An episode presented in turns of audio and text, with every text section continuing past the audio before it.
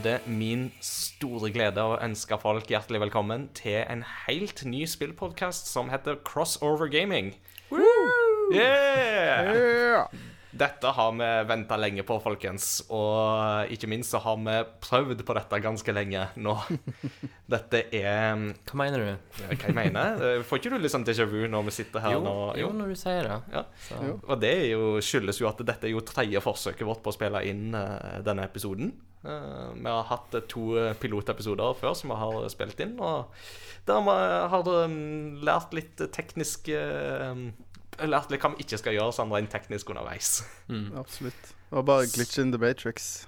Ja, absolutt. Jeg tror kanskje hvis vi summerer alt som du, Ingar, har investert pengemessig, og spesielt du, Mads Jakob, så er det muligens den dyreste podkast-launchen av uh, amatører ever. Be grateful, you uh, little minions.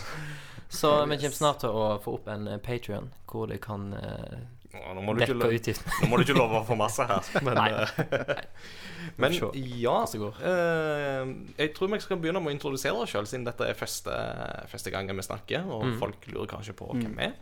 Eh, Siden jeg prater og er utkåra programleder, så kan jeg jo begynne med å presentere meg sjøl. Jeg heter Ingar Takanobu Hauge. Jeg er da level 30 eh, i real life, eh, altså. Og mm, jeg eh, jobber til vanlig som eh, administrasjonskonsulent ved Fjellhaug internasjonale høgskole, som er en eh, privat teologisk høyskole i Oslo. Men eh, når jeg ikke gjør det, så er jeg spillanmelder for Game Reactor. Mange av dere har kanskje lest noe av det jeg har skrevet. Jeg håper iallfall det. Hvis dere ikke har det, så ta gjerne en tur innom gamereactor.no og les litt hva jeg har skrevet av eh, spill og filmanmeldelser og litt eh, dybdeartikler og litt sånne ting. Det har jeg holdt på med i en åtte års tid nå, og synes det er veldig gøy. Ja. Skriver veldig bra. Å, takk. Takk. Jeg har ikke lov å si det sjøl, så Pennen går som en dans. jau. Takk, takk, takk, Christian. Og med de Danser over papiret. Danser over papiret og tastaturet. En Men, fryd eh, å se på. Men jau, Kristian, hva, hva, hva så med deg? Nå kan vi jo kjøre resten på Håvamål. eh, Nei, på eh, Det tror jeg Vo- første Vossam- gangen eh, Vossamål. Det tror jeg første gang jeg hørte deg snakke kav nynorsk, Inger. Det måtte skje en eller annen gang. Mm. Uh, jo, Kristian heter jeg. Level 27. Mm. Så jeg, sånn sett så er du min, eh, min sensei. Nei, jeg er din senpai. Senpai. Senpai. Mm. Ehm, jobber på Fjellhaug, jeg òg. Både litt som gaminglærer og litt i eh, PR-avdelingen. Altså, Gaminglærer hørtes jo veldig spennende ut. Jeg tror du må utdype, for nå tror jeg det var noen som spissa ørene. Altså Hvis du har lyst til å vite hva det går ut på, så må du gjerne søke på, eh, på linja Mm. og bli elev til neste år. Og det er da på, på Bibelskolen Fjellhaug, som er ja. søsterskolen til den som jeg jobber på. ja, Så vi er på en måte kollegaer, og på en måte ikke, ikke i akkurat samme staben. Mm, men- vi lunsjer sammen ofte. Det gjør vi. det gjør vi. Samme konglomerat. Uh, Mm, mm, mm. yeah. Um, Uh, og så Nå har jeg sagt hvor gammel jeg er. Nei, unnskyld. Level, har jeg sagt. Ja. Jobb, har jeg sagt. Mm. Viktig. Hva gjør du Eh, når du ikke er på jobb, da? Når jeg ikke er på jobb, så går det ganske mye tid i med musikk. Jeg har òg jobber litt frilans som musiker òg. Så det, det er gøy. ja. Da er det gitar som er the shit. Ja, nå er vi jo tre, tre musikere og, Mhm. som, som sitter her og snakker sammen, så det er jo veldig gøy. Jeg lurer på om vi spiller forskjellige instrumenter òg, for at du er gita- gitarist, ikke sant? og så er jeg pianist. Og Mats Jakob eh, her er jo en trommeslager, hvis jeg ikke husker feil. Ja, så Mhm, vi har jo et det. lite band Vi har jo et lite band her. Så ja, Jeg er Mats litt- jeg er Jakob. litt- Ja, Ja. jeg, må bare si, jeg er litt skuffa Inga over at ikke hovedinstrumentet ditt er okarina. Ja, jeg beklager, men altså, jeg sa jo at hovedinstrumentet er piano, men det er ikke dermed sagt Piano at jeg er time. låst Piano of time. men jeg er ikke dermed låst til piano som instrument. da. Det er jeg ikke. Det er har Nei, mange altså, instrument. altså, du har et elpiano hjemme som har sånn ocarina-lyd. Ja. Så du, sånn sett så spiller du Hadde det vært så vel. ocarina med en akkord. Yes, hadde det vært så vel. Vi får ta det med neste investering. Men uh, vår trommeslager i Kristiansand Ja. Eh, ja. det er deg. Eh, heter Mats Jakob.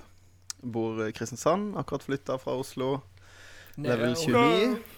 Mm. Um, så er det Kristian, du er da rett og slett bare dårligst, altså. Jeg kan ikke si noe annet. Jeg Du må er jobbe med det. padawan i gjengen her. Ja. Mm. Absolutt. Ehm, jobber som eh, lærer på barneskole. Trives veldig godt med det. Liker å spille TV-spill. Spiller trommer, som dere sa. Um, uh, hva mer skal jeg si? Jeg liker å ha to små gutter som jeg syns er veldig gøy å leke med. Mm. Uh, Og du må jo nevne at du har jo sikkert den beste retrosamlinga av oss tre. Mm. ja, det er jo sånn Du har ikke lov å si at eh, du skriver fint. Jeg har ikke lov å si at jeg har mange TV-spill. Ja, nei, men, Ja, men du, da, da skal jeg bryte inn og si at uh, den retrosamlinga di, den går som en dans. Ja, det går fint. en fryd å se, på. Nei, men uh, begge dere to har jo en solid eh, Solid samling. Jeg tror kanskje du, Inger, har mest uh, kosmetiske ting. det, det har jeg nok. Jeg har jo Mm. konsentrert veldig mye av pengene mine på figurer og sånne collectors editions og sånt opp gjennom Mm. årene. Og så har jeg jo et prosjekt gående der jeg prøver å få alt av Wii U-spill som er gitt ut uh, her til lands. Eh, Samtidig som at jeg også prøver å få en komplett samling av Virtual Boy, som er jo en ganske sånn snever sak. Virtual Boy var jo Nintendos forsøk på å lage en sånn eh, VR-lignende 3D-sak i 1995, som floppa fullstendig fordi at den var veldig, veldig dårlig. Folk, du måtte sitte lent inntil han, så folk fikk jo kink i nakken og blodskutte øyne av å spille på han. Så den ble bare sluppet i Japan og muligens òg USA. Litt usikker der. Jeg tror jo i USA òg. Og solgte aldri så veldig mange eh, eksemplar. Så det finnes jo bare en sånn 20 spill eller noe til den, og jeg har en 15-16 av de. Men det er jo de dyreste som mangler, selvsagt. Så med, med, konas, med konas velsignelse så blir den samlinga komplett en gang. skal jo sies at eh, når vi kom på eh, kontoret til Ingar, som er her jeg og Ingar sitter og spiller inn, Mm. så var det første, første som møtte meg, en, nok en ny Collectors Edition. Mm, det er riktig. Det var av Switch-versjonen til det norske spillet Owlboy. Mm. Som da blir fjerde gangen jeg kjøper det spillet. Så shout-out til Dpad Studio Yeah. og Jodremi og Simon. Og, Shut up and take my money! Yes. Yes. Dere, jeg, har sponsa dere ganske kraftig nå, altså, så det må bare sies. Og fun fact, Dpad Studio, de som jo lagde Owlboy, de holder jo til en kilometer eh, vekke fra der mamma og pappa bor på Askøy. Så det er jo veldig, veldig moro. Så jeg var jo intervjua de en gang for Game Reactor. Det var veldig gøy. Vi kom godt overens, følte jeg da iallfall. Så det Kanskje vi får dem som gjest i podkasten. Ja, det var veldig gøy. Dpad, hvis dere har lyst, eh, shout-out til oss. Jo Remi, du har meg på Facebook. Ta kontakt. Det, det skal vi få fiksa.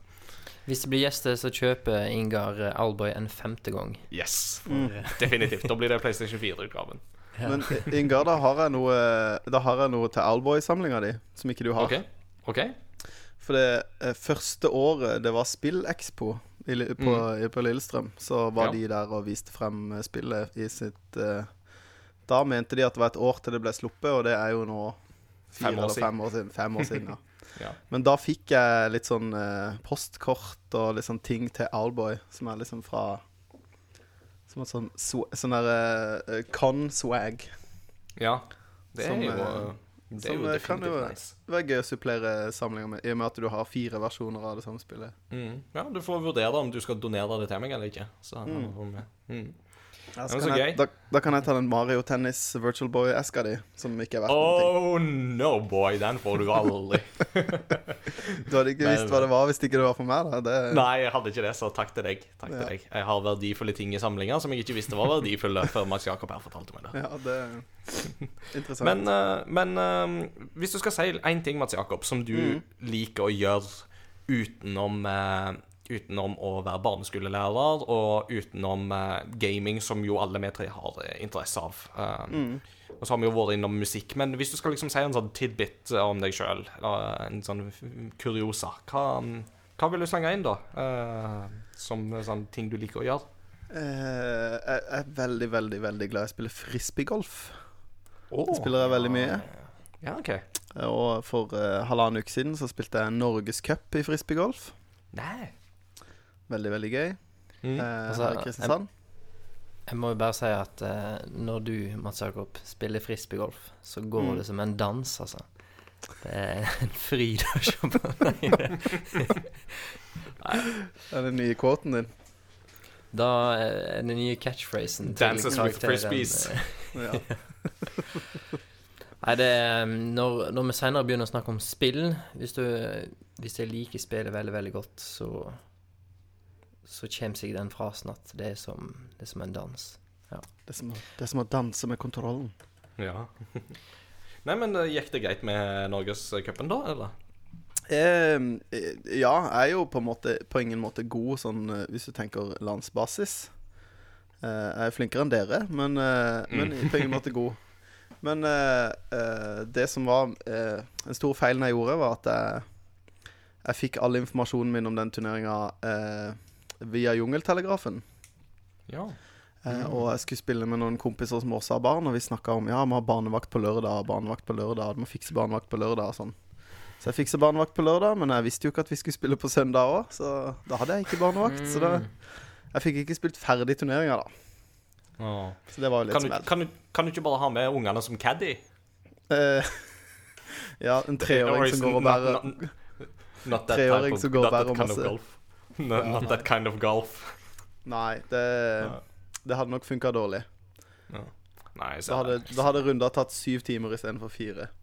Ja, nei, jeg ser Men, den men hvis du kan være litt sånn anti-jantelov her nå, da. Mm. Eh, du sier at du, du er ikke i norgestoppen, men sånn lokalt Kristiansand lokalt Ligger du bra an der, føler du? Nei, nei, jeg tror ikke det. Men jeg, jeg, jeg var fornøyd med prestasjonen min. Etter Mm. første runde så lå jeg på niendeplass. Av sånn 50 et eller annet. Oi. Og etter andre runde så lå jeg på 13.-plass. Så jeg hadde jo Bedre enn vi noen gang uh, har gjort det på uh, spillquiz på Tilt. Mm. Shout-out til Tilt og spillquiz. Det er veldig gøy. Ja, jeg skjønner hvordan dere to klarer å være venner etter at uh, Ingar uh, jump ship. Nei, altså, for å si det sånn, det, det er et pleksiglass her nå mellom meg og Ingar, med en gardin som er trukket for. Det, det, det, det holdt jeg på å si Det er veldig det, det, det er veldig halal, det her vi sitter nå. For vi har ikke kontakt med hverandre. Veldig kosher. Nei, Ikke en men, fistbump engang ja, når dere møttes. Nei, nei, nei, nei. Eh, For å ta kortversjonen til dere som hører på, så er det jo da en spillquiz um, på en eh, pub her i Oslo som heter Tilt, som er veldig verd å besøke. Det blir veldig trangt der, men det er veldig gøy å få med seg. Um, og da var jo jeg med denne gjengen som sitter med, med Mats Jakob og Kristian her, på deres lag uh, nå fra januar og utover. Det vil si, jeg begynte vel på den eh, julequizen, og så var jeg med fram til og med sommeren. Men da under det forbeholdet at eh, Game Rector hadde ikke et eget lag på det tidspunktet. Så jeg sa det at eh, hvis, hvis Game Rector danner et eget lag til høsten, så vil jeg nok melde altså ende opp med å gå, gå over dit, naturlig nok. Mm. og det har jo da skjedd, at vi i Game Reactor har endelig fått på en måte samla oss til et eget lag, og begynte med det nå. Og, så da måtte jeg jo melde takk og farvel til gjengen i Master Balls, som uh, laget heter. Ingen innuendo der, det er kun en Pokémon-referanse. uh, men uh, ja, så Ja, altså- Anklager om forræderi og eh, paralleller til John Snow og eh, den slags i Game of Thrones ble tråkket. Men eh, ja, en annen parallell kan jo være for å lettere visualisere det her, er at hvis du er Anakin i Star Wars episode 3, på en Mm. måte, Mm. Ja. kan jo være litt Kan jo òg trekkes paralleller til en viss kar som heter Judas, og litt sånne ting òg. Kan, kan vel òg Ja, bli slengt inn i dette her, så Men istedenfor For the Watch, da ja. Hvis du tenker Johnston, så må det være For the Master Balls. Mm. Yes. Men jeg tenker, altså det blir litt sånn urettferdig overfor Judas å sammenligne med det. For han fikk i det minste penger for å bytte, tenker jeg da. Altså okay, ok, da, ok, da er jeg litt mer på nivå med Rupert Murdoch, eh, Ja. vil jeg anta. Rupert Murdoch, sjef for Fox, og Fox kansellerte Firefly. Så Ja, ja, ja. definitivt er et av verdenshistoriens største svik. Mm. Jeg vet ikke hva du snakker om engang, jeg, Christian og Inger. Det, det her er Har ikke hørt om det engang. Nei. Uh, Firefly. I can't deal with the pain. Du can't deal with the pain. Firefly, Firefly regression er en seriøs eh, diagnose, folkens. Og vi er med der. Ta oss på alvor. Ring eh, til eh, Yes. Men ja, Christian Telefonen eh, 815-493-00. Men eh, Christian, eh, hvis du skal si en sånn eh, fun fact om deg sjøl, eller en tidbit om deg sjøl, om, om noe som du gjør eller har en interesse for utenom eh, jobb og gaming? Utenom jobb, gaming og utenom Musikk, Musikk, da, som jo har blitt nevnt. Ja. Det går liksom Både gamingdelen og musikkdelen er ganske oppslukende tidsmessig. Um, da må jeg si såpass ah, Jeg liker nå å være med venner, da. Yeah. Å være, å være med kona og Ja. shout-out wife. Yeah. ja, for dere, dere spiller jo litt brettspill sammen. Det kan jo nevnes. Ja, altså Det er jo Ja. kanskje den kuleste investeringen uh, i brettspillverden jeg har gjort ever. Men uh, det var vel i sommer en eller annen gang. Så um, satt jeg og kjeda meg litt og saumfarte um, en sånn brettspillside på Finn som leder meg videre til Nei, nei, på Facebook. Så leder meg videre til Finn, som leder meg videre til eBay. Og der havner jeg over et helt nytt brettspill som heter Harry Potter eh, Hogwarts Battle, heter det. Ja. Og kona, mega Harry Potter-fan. Hørt alle sammen på lydbok eh, i sommer. Og det spillet her kan minne litt om Om Heartstone, på en måte. At du har en Du har en dekk, og så har du kort på hånd, og så veit du hva som ligger i dekken. Mm. Og ut ifra hva du spiller, så er det så så stor sjanse for at du trekker da og da kortet. Um, Og så er det Når du åpner kassen, så har du liksom selve brettet som du legger ut, og så velger du deg Det er to til fire spillere der, da, så du velger deg en karakter fra serien som har sine egne originale eh, kort kun til den spilleren. Og så er alle sånn fiender og locations og ekstrakort og alt sånt er delt inn i game 1 til 7, ja. som da tar for seg hendelser i filmen. da Mm, eller i de forskjellige årene. I, Mm. ja. Så, eh, og du får litt sånn der eh, progresjonsfølelse og RPG-følelse for når du kommer til game 3, altså år 3, -hmm. og åpner den kassen som har de kortene, så har du plutselig Du har en sånn character cards, da, og plutselig så må du bytte dem for at de er blitt eldre. Så bildet er litt endra, de er liksom blitt eldre, og så har de fått andre stats og andre abilities, da. Så gøy. Ja, og uh, da har vi brukt sikkert uh, tre date nights på Det er jo fantastisk, da. gønne på med Hvor- hvor langt- brettspill, ja. synes jeg er veldig gøy. Selv om jeg er nok Jeg er nokså uerfaren der. Men jeg, Hvor, hvor, hvor lang tid vil du si at en runde med dette Harry Potter eh, Hogwarts, Hogwarts Battle, var det det du kalte det? Ja. Hvor, hvor lang tid vil du anslå at det tar Ikke da nødvendigvis første gangen når du skal lære alt sammen, men når du har kommet litt inn i det? Nå har jeg bare spilt det som to, Ja. så jeg har ikke så mye erfaring på hvis du spiller med flere. Men jeg tror Altså, det tar nok lengre tid jo lenger ut i gamene du er kommet. For når du spiller game 1, så har du tre villains ifra den boken som du skal beseire. Og når du klarer å beseire dem, så er det liksom Da har du vunnet, da. Mens når du kommer til game 2, så kommer det to nye villains, men du må òg beholde de tre gamle. Så jo lenger ut i gamesene du er, jo større bunke med motstandere er det du må beseire. Da. Så alt ifra en en time til to, så langt i hvert fall. Ja. Så du må ha litt god tid. Ja. Og du bør være litt fan. Da, du da kjenner du igjen sånne items som du kan få tak i, og spells og Mm. Aloha Mora, folkens. Hvis Mm. det, Mm. Lumos. Altså, det er sjukt, eh, sjukt gøy. Ja, Men, men Christian, Mhm. du vet hva som er likheten mellom Galtvort og Plantasjen? Mm. Nei. Men De har begge Harry Potter. Åh, Oi, oi, oi, oi, oi. Når, den, Den var tørrvittig. gikk ikke helt som en dans. Den gikk ikke helt som en dans, den der, men eh, Nei. Nei, det you, you, Kids, you tried hard and you failed miserably. The lesson is never try. Litt god gammel Homer Simpson-visdom der, ikke sant? Eh, Men Jeg, jeg likte innlevelsen din. Jo, takk, takk, takk. Ja, du har øvd litt på den eh, imitasjonen der. Mm. Men uh, snu spørsmålet til Hva slags spørsmål bort til deg, da, Ingar? Ja, ja, ja. Det må du bare gjøre. Hvis um, du ikke gamer, Mm. du ikke er på jobb, Mm. du ikke spiller piano, Ja.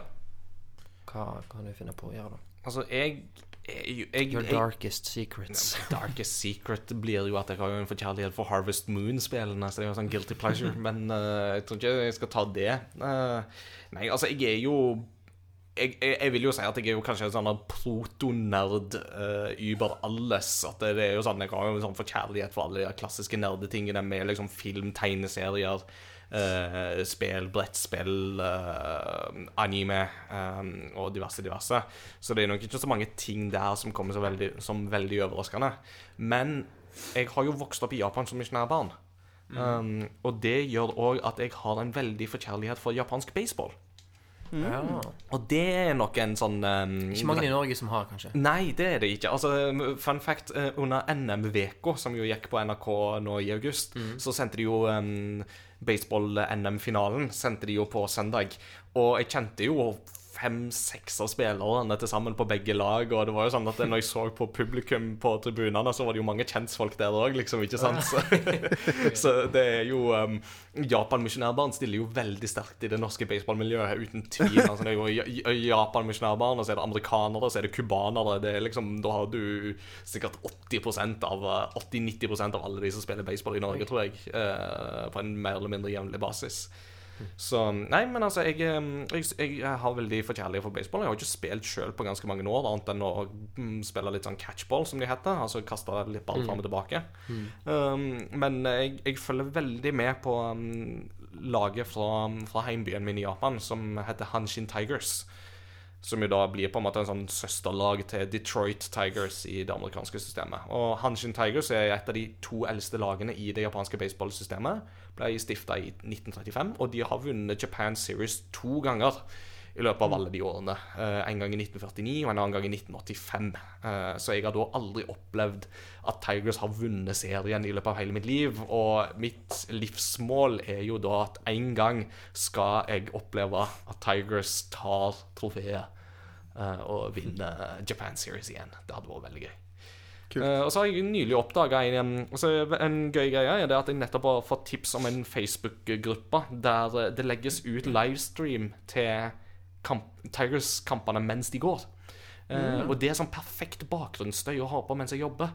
Uh, og den lyden av baseball på TV, med kommentatorer og med liksom Bare lyden av det er, er, en, er en av de beste tingene jeg vet, faktisk. Det er en sånn Da blir jeg skikkelig sånn uh, Da får jeg sånn tysk heimat-følelse. Da, er det sånn, da er jeg liksom der jeg skal være, og det er liksom uh, hjemmekoselig og bra.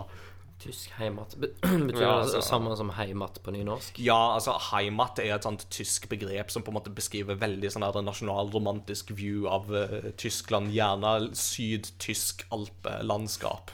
Mm. det- Heimatsjangeren er jo litt sånn du, du drar liksom til byen, og så trivdes du ikke der, og så drar du tilbake til bygda og blir sånn her eh, Det, det er sånn tysk bonderomantikk. eh, Sound of basically. Music. Ja, Sound of Music er jo kanskje det beste eksempelet på heimat som vi kjenner til. ikke sant? Eh, Til en viss grad, i alle fall. Ja, men det er jo Eh, i Sveits, er det ikke det? Eller Østerrike? Jo, det er jo i Sveits, men det er jo det der alpelandskapet likevel som jo også karakteriserer Syd-Tyskland. Mm, Eh, så det, det er absolutt til stede der, altså. Okay, kan jeg, kan jeg um, slenge ut et nytt spørsmål til en uh, spørsmålsrunde her? Yes. Um, Mats Jakob, kan begynne med deg. Mhm. Hva for en type gamer er du? Hvordan vil du forklare deg sjøl som en gamer? Med tanke på sjanger eh, Ja, sjanger, Ja. hovedsakelig. Ja. Um, jeg er jo hovedsakelig retrogamer. Ja. Mm. Eh, eh, hvis jeg skulle sagt uh, tre ting, så ville jeg sagt retrogamer, Nintendo fanboy, uh, og eh, så elsker jeg RPG-spill. Vestlige Eh, men- eller japanske? Eh, jeg liker Jeg er ikke noe glad i vestlige RPG-er. Nei. Så jeg vet at uh, det er en her i podkasten som har et uh, favorittspill som på ingen måte appellerer til meg. Abort the podcast. Abort! Følte du deg truffet, Ja, men takk takk for at du var gjest i podkasten, Mats Jakob. Yes. Eh, Du er herved det svakeste ledd. Adjø. Ja. Du synger bra, men du ser ut som en hobbit. Nei da. Men, men eh, når du sier retrogamer, henger det sammen med nostalgi, eller bare generelt interesse for, for det, retrospill? Det trenger ikke være et spill som du hadde sjøl når du var liten. Nei, det er jo eh, selvfølgelig All eh, retro er jo på en måte rota i nostalgi. Mm. Det er jo en grunn Altså Selvfølgelig er det noen spill som var gamle, som faktisk var veldig, veldig bra. Og som på en måte fremdeles kunne Det kunne blitt gitt ut på som et indie-game i dag, og det hadde gjort det kjempebra. Mm. Men det er jo den nostalgien, da. Og jeg har jo På rommet mitt så har jeg jo CRT-TV for å kunne spille det liksom genuint. Eh, på de gamle konsollene på en gammel TV, ikke sant? For at det skal se riktig ut og høres riktig ut og føles riktig. Mm. Mm. Men uh, Så det begynte jo med det at jeg liksom Å, de spillene hadde jeg da jeg var liten, jeg ville spille de igjen. Og så, når man begynner med det, så begynner sånn som når man interesserer seg for noe, så begynner man jo ut Går det jo utover de spillene man hadde, eller de spillene man hadde lyst til å ha, eller de spillene kompisen hadde. Ja. Til at du oppdager spill som du allerede har hørt om. Hmm. Eller konsoller du allerede har hørt om, eller og så videre. Og så baller det jo bare på seg. Mm. Så var jeg jo på en måte så heldig at jeg Ikke så heldig som de som begynte på 90-tallet, men eh, jeg begynte såpass tidlig med retrospill at du kunne fremdeles få spill for 50-lapp, liksom. Oh. Nå er jo retro blitt så veldig, veldig stort at liksom til og med liksom de dårligste, kjipeste 8-bit Nintendo-spillene koster minst 100 kroner. Som før kosta. ja. Ja. Som du før nesten ikke klarte å gi bort. ikke sant? Mm. Mm. Det er jo liksom det er jo, Jeg har ikke lyst til å betale ti kroner for 10 yard fight på 8-bit Nintendo, liksom. Fotballspill fra 87. Mm. Det er ikke veldig interessant. Du er ikke er helt sånn- der, liksom. Nei. Det fins jo bra fotballspill fra, fra den tida, blant annet. eh, Men det er jo nostalgi, da. Men eh, Nintendo World Cup er jo helt uh, enestående fotballspill. Mm. Eh, uten dommer, og du kan takle spillere til de bare blir liggende og sånn. Det oh, Åh, det er magisk. Og Brassespark er automatisk mål, så du kan ta brassespark i egen 16 meter, og så er det automatisk scoring. Og alle, alle spillerne som blir truffet av ballen uh, på vei til mål, besvimer. Så det er helt rått. Det er there, there is great power in those feet. Mm. Yes. Og for øvrig, et av de feteste åpningstemaene, sånn menymusikk, det er helt Helt Nice. rått. Nice. Jeg skal se om jeg finner nice. Om jeg får tak i den åpningstemaet og setter det som litt pausemusikk etter hvert, kanskje. Det har det jo. Veldig, veldig kult. Ja. Og som trommis, da, så er det et, eh, det trommefillet etter liksom åpningsmelodien inn til liksom hovedtemaet er helt eh, Helt enestående. Ordentlig sånn 80-talls eh, masse tammer-fyll. Veldig kult. Ja. Ingenting som sier 80-tallet som sånne synt-trommer. Det er jo Nei, det er helt rått. amazing. Nei, så Nintendo-fanboy. Vokste opp med Nintendo. Syns fremdeles Nintendo er best. Eh, alt Alt som er PlayStation og Xbox, har jeg fått. Eller kjøpt på loppemarked for 50 kroner. Ja, Eh, det er lov, det òg. Jeg har aldri kjøpt en PlayStation eller en Xbox-maskin ny, men jeg har kjøpt Nei. alt etter Alt etter Super Nintendo nytt når det kom. Mm. Du, eh, du skal få Du skal få min PS4 Pro når eh, PlayStation 5 kommer. Så Så slipper nå har vi det på tape. Nice. Da takker jeg for meg sjøl som gjest. Uh, det var Alle Fikk jeg det som ville? Dere er vitner om dette. Men det som er vårt hell, så blir jo det opptaket her òg defekt. Ja. Så det fins ikke på tapen. Uh, don't, don't jinx it, my friend. Don't Nei, jinx it. Denne gangen er det sikkert du som mister det, så har jeg bare meg en sjøl som later som. Ikke sant? Mm. Men ja, Nei. eh, men eh, Christian, da. eh, Hvis du skal karakterisere, altså, hva slags gamer er du? Um, jeg tror at um, smaksmessig og sjangermessig så har jeg opplevd de siste årene at jeg liker ting som jeg trodde jeg ikke likte. Mm. Da er det bare mangel av eh, erfaring å å ha prøvd.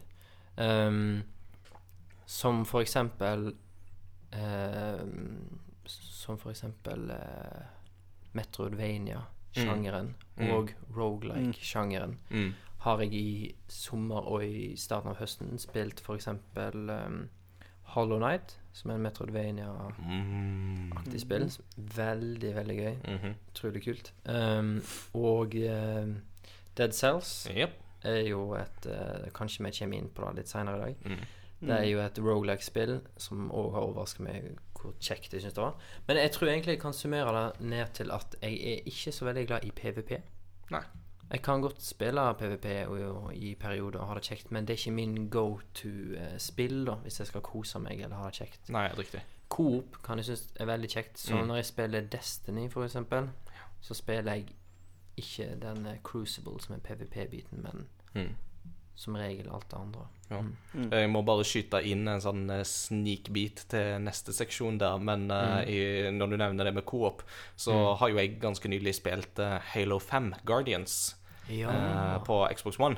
Uh, og med Halo-spillene er jo nest, så å si definisjonen på couch co-op. Altså det at man sitter to stykker i samme sofa og spiller gjennom spillene. Og jeg og en kompis som jeg shout-out til deg, Peter, hvis du hører på. Det er veldig gøy.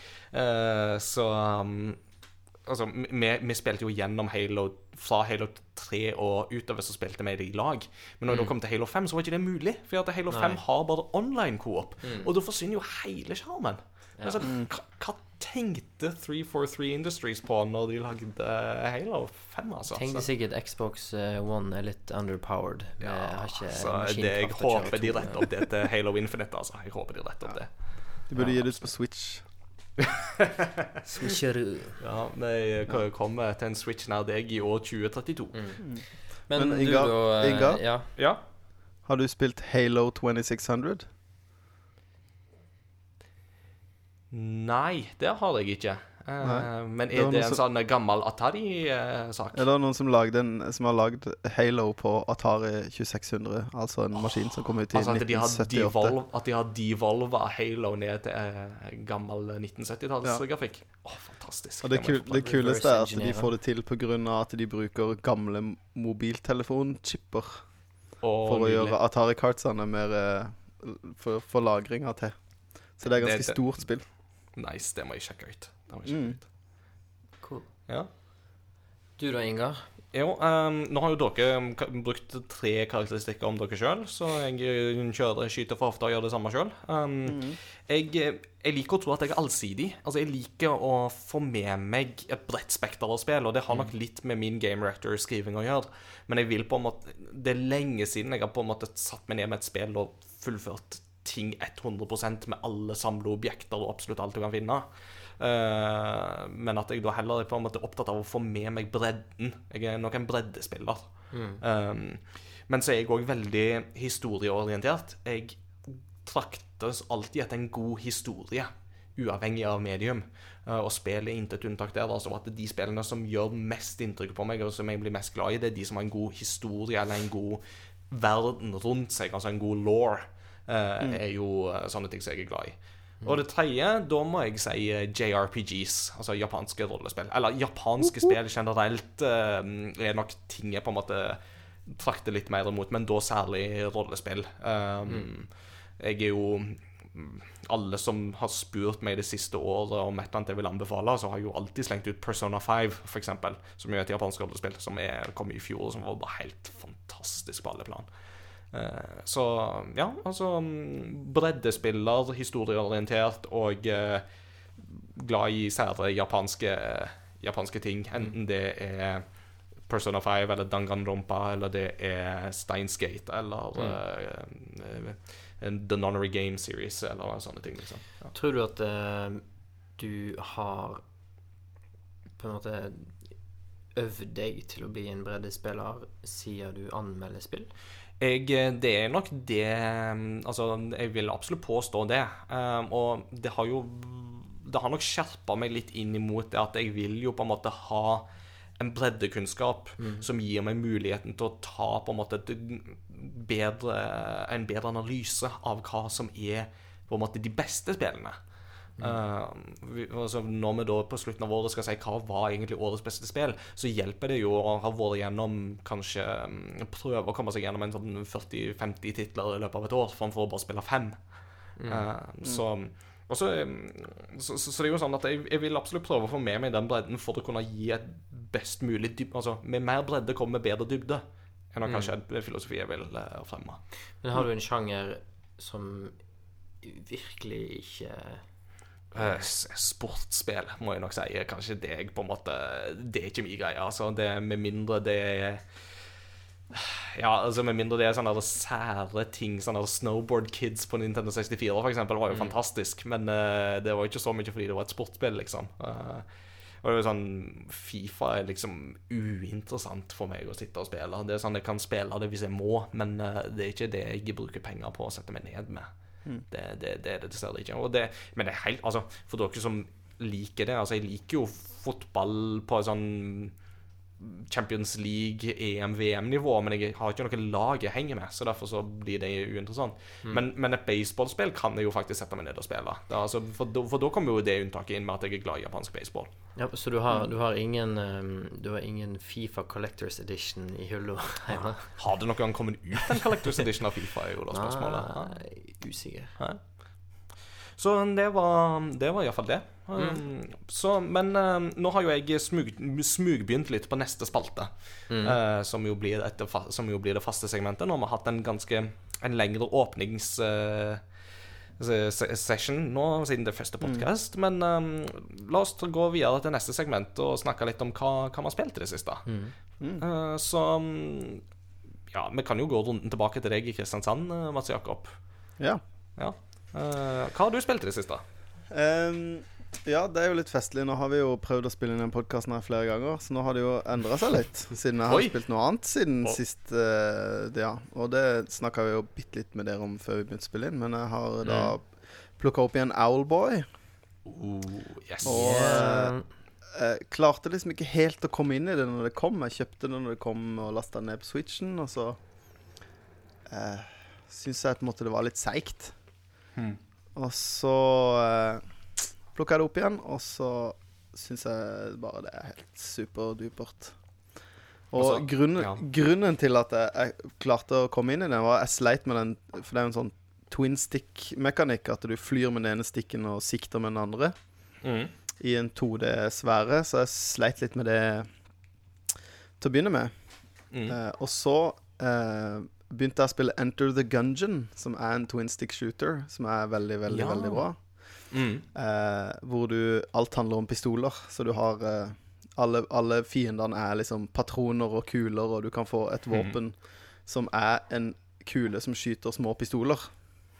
Det spillet er helt bananas. Ja, det er helt psycho. Og så er det sånn eh, Det tar ikke så lang tid å spille gjennom, men det er liksom eh, Du spiller gjennom sånne labyrinter Mm. Eh, hvor du må tømme alle rommene for fiender, og så finne boss-keyen, og så går vi til bossen. Men eh, alle, alle dungeonsene eh, blir sånn eh, Vet ikke hva skal jeg si på norsk. Randomly generated. Altså at de er nye hver gang. da Det er, Mm, det er helt ja. tilfeldig, så det, du, du kan ikke lære det Tilfeldig med, generert. eh, labyrintene. Du må på en måte bare komme deg gjennom. Ja, så det er en sånn roguelike, så det da Ja. heter. Ja.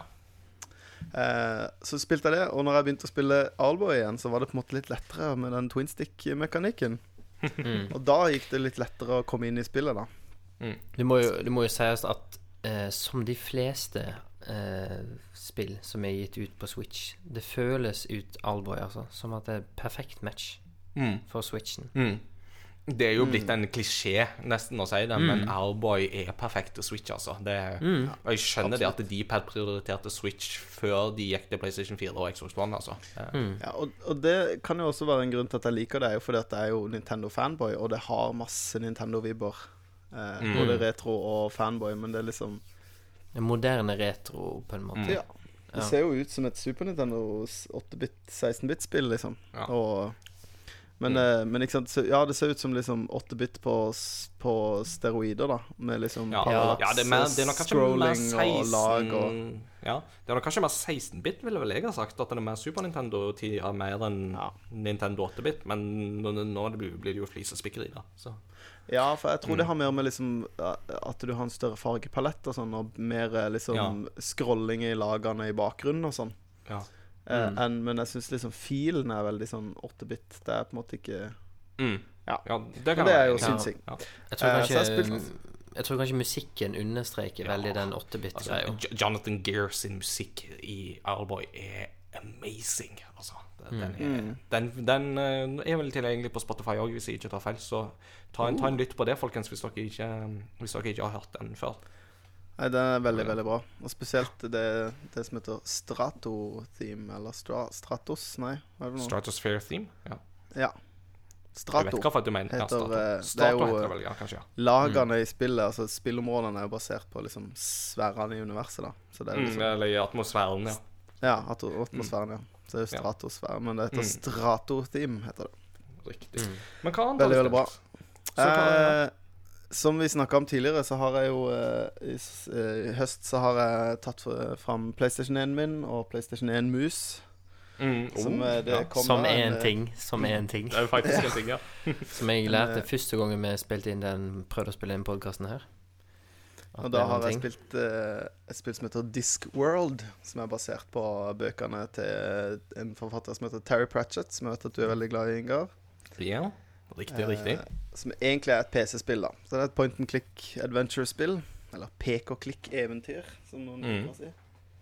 um, som er veldig, veldig morsomt. Og uh, hovedkarakteren er voisa av Eric Idle, eller Idle, eller hva som man sier det. Idle, Fra, Ja, i fra Monty fra Monty Python. Python. Mm. Så det er morsomme one-linere og veldig gøyalt univers, da. Og som eh, hele spillet åpner med at eh, eh, narratoren sier eh, In a second hand dimension. Så syns jeg er morsomt. I en, en, brukt, en brukt dimensjon. I loppemarkedsdimensjonen. Så det, det er veldig morsomt. Men uh, har du noe å tilføre om uh, Terry Pratchett, eh, Ingar? Uh, ikke annet enn at eh, Altså, fred være med Terry Pratchett, men var- han, han fikk jo Alzheimers uh, i, på sine eldre dager. Men mm. jeg husker at eh, folk Man snakket jo da om at eh, Alzheimers will be sorry it caught Terry Pratchett. Så det var sånn Altså, fyren er jo klinhakke gal når han skriver, men Ja, ja, ja. Det, det er jo så rasende festlig. Og Terry Pratchett er en av de få forfattere jeg ler høyt av når jeg leser. Ja, det er ordentlig Eh, morsomt. det er kjempemorsomt. Og hvis en vil ha en kjempebra bok eh, Hvis en vil bare begynne et sted Altså, du kan jo, altså Discworld-bøkene er jo alle satt i samme verden, så du kan jo bare lese de Men du kan lese de tilfeldig, eh, fordi de, de, de er nokså selvstendige i forhold til hverandre. Ja. Uh, og i boka Unseen Academics, den åpner jo om et sånn mm, fotballag på en sånn tolvmannsskole. Så åpner da boka med Det er liksom to linjer helt over som har en fotnote. Og så har da fotnoten en fotnote, en såkalt tånote. og når du bare tenker på at dette er en bok om akademikere, og at det liksom første sida i boka praktisk talt bare er en gigantisk fotnote, og så en fotnote til fotnoten igjen, så er det så, Det er sånn metahumor. Så, akademikerne i meg ruller av sofaen av latter og sånne ting, altså. Ja, det, det- er, ordentlig morsomt. Og han har en helt egen måte å skrive på. Et helt eget sånn Helt Mm. egen måte å bygge opp setninger på og liksom Mm. Ja. Og, og død, ja. Døden Ja. snakker jo alltid i capslock. ja. Mm. Ja, Men ja. Merker du at det her lyset skinner gjennom i spillet òg? Eh, ja, absolutt. Det er morsomt. Og han har Altså, spillet er basert på de to første bøkene, men kanskje mest den andre. Mm. Ehm, eh, men ja, selvfølgelig, det skinner jo gjennom. Jeg, altså, jeg vet ikke hvor involvert han var i liksom selve manuset, men, eh, men de som om, Samme om han ikke var det, og- ja, om han ikke var det, så har de iallfall Er det jo åpenbart folk som enten har studert materialet veldig godt, eller har vært fans, da. Og jeg tenker Mm. liksom et PC-spill på 90-tallet som er basert på en bokserie, da er det på en måte noen som har tenkt 'Dette liker jeg, dette vil jeg lage et spill av', mer enn liksom 'Dette er noe vi kan tjene penger på'. Ja, og det at de har med Eric Idle på det òg, tenker jeg er jo et eh, tegn på Ja, det. det. Så, ja. Det, er, det er veldig morsomt. Underholdende. Det, sjekk Mm. ut YouTube-klipp eller noe hvis du ikke har en måte å spille det på, eller, Mm. eller uh, gidder å kjøpe det. Det koster det, Ja, det er ikke det billigste PlayStation 1-spillet. Nei, det, Det det er litt, med. eh, men det er litt dyrt å få tak i den muset, kanskje, med tanke på brukt marked og Du, jeg kjøpte den på Nio Tokyo i Oslo. Det er en uh, Konami-branda eh, Det er en eller annen anime-dame med store pupper på på den musa. Så det var ikke Det var den jeg fikk tak i. Så, sånn er det. Sånn er det. Ja. det. Vi får tolke det som vi vil. Men uh, ja. Ja. så um, Christian, um, hvis du ikke hadde noe å tilføye Nei, mer eh, så, uh, eh, bare nevne at jeg også holder på med Octopath Traveler, men det vil jeg snakke mer om når jeg har spilt litt Og eh, mer. holder jeg òg Det er mitt um, B-spill etter moment, eller C-spill. Ja, men, eh, ja, men da passer det jo Det er jo en bra Segway til deg, Ja, om hva absolutt, du absolutt. eh, Og mitt A-spill og mitt B-spill er Mm. som følger. Nei da. Um, ja, jeg har jo nevnt litt spill i um, I de to forrige forsøkene våre på podkast. Mm. Um, og da spillet som jeg har brukt mest tid på den siste uka her um, det muligens at du har tenkt å snakke om det ene spillet, så kanskje jeg skal snakke om det andre. Nei, nå må bare nevn det. Spiderman. Ja, åh, nice. Jeg, um, jeg må tilstå, jeg har ikke fått begynt ennå. Nei, OK, OK. ok, Så bare snakk. Let me take you on a journey. Take me down to the Paradise City. Um, OK. uh, det første du merker når du spiller Spiderman, er at du blir liksom Du blir åpna med en Du får en cutscene i starten mm. hvor han uh, våkner opp og, uh, i seng om morgenen Spoiler! og What? The first minute! La-la-la-la-la-la. Eh, Du har ikke en PlayStation 4 engang, så du har ingenting Du kommer til å få spille spoiler før du kommer så langt uansett, Mathias. ja.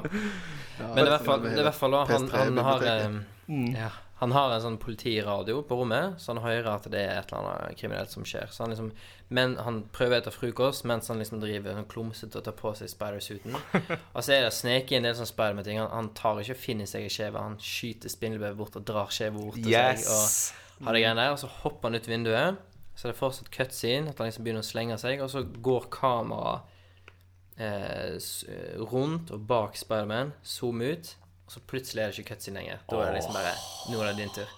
Og det som er så kult, eh, kanskje ikke der og da, men i spillet, er at mest sannsynlig så feiler du totalt med en gang den cutscenen er ferdig. da er det hodestups rett inn i en uh, skyskraper eller et eller annet. For det at en ting som det spillet her har naila Det er liksom det å manøvrere seg som Spiderman, da. Og føle seg som Spiderman i byen. Men de har gjort at det er ikke Det er ikke nødvendigvis superlett å få det til å se naturlig og smooth ut. Nei, nei. Det er en liten sånn læringskurve i bare manøvreringen, da. Og da gjør hele manøvreringen òg veldig mye kjekkere. Eh, så blir du slengt inn i combat, så merker du at eh, combaten ligner veldig på Kan minne veldig sterkt om uh, Arkham-serien, Batman-serien, Mm. til Rocksteady, er det vel det heter? Ja, til Rocksteady. Det er Ja. riktig. Uh, men uh, skiller seg litt ut. I, i Batman-spillene så har du jo at når du blir angrepet av en fiende, så har fienden en sånn varselstegn over seg. At Mm. nå holder den fienden på å angripe. Ja. Den delen hører jo naturlig hjemme i Spiderman-spillet ved at Peter Sp Parker, Spiderman Spider Sense. ja, Ja. det er han som får den der Oi, nå kommer det et slag en annen plass her. Og da er det hit that dodge button, og så skjer det et eller annet spektakulært. Veldig kult. Men, men um, Combaten flyter kanskje ikke like smooth som i, eh, i Batman-serien. Men det kan godt være da at jeg er mer vant til den combaten, og at den her, at den her er balansert litt annerledes. Så at jeg bare må komme mer inn i combaten. Ja. Men uh, all that aside, du får De har naila uh, Peter Parker og Spiderman som en karakter. Altså da både Spiderman og Peter Parker som karakterer. Mm. Det føles ikke ut som et mørkt Og Du skal ikke gjøre det her mørkt og dystert for å være moderne. For Nei. da er ikke Så det, Spiderman. det er litt det samme som filmen Spiderman Homecoming gjorde. Mm. Ikke sant? For at den òg Som er en drakt du kan få tak i. Ja, som jo er en drakt du kan få tak i. For Ja. det at den filmen naila jo nettopp det med at det var en film der både Spiderman og Peter Parker kom til sin rett. Mm. Der de gamle filmene med Toby Maguire og Andrew Garfield har slitt på hver sine, Mm. hver sine områder der. Ja.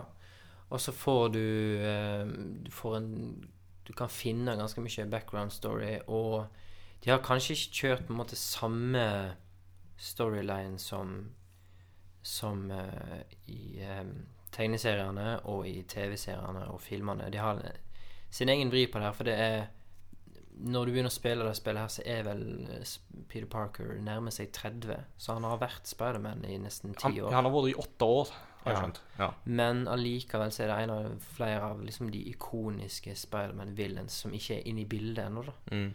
Men, uh, men du får være med på litt den utviklingen der, da, som Mm. er veldig spennende.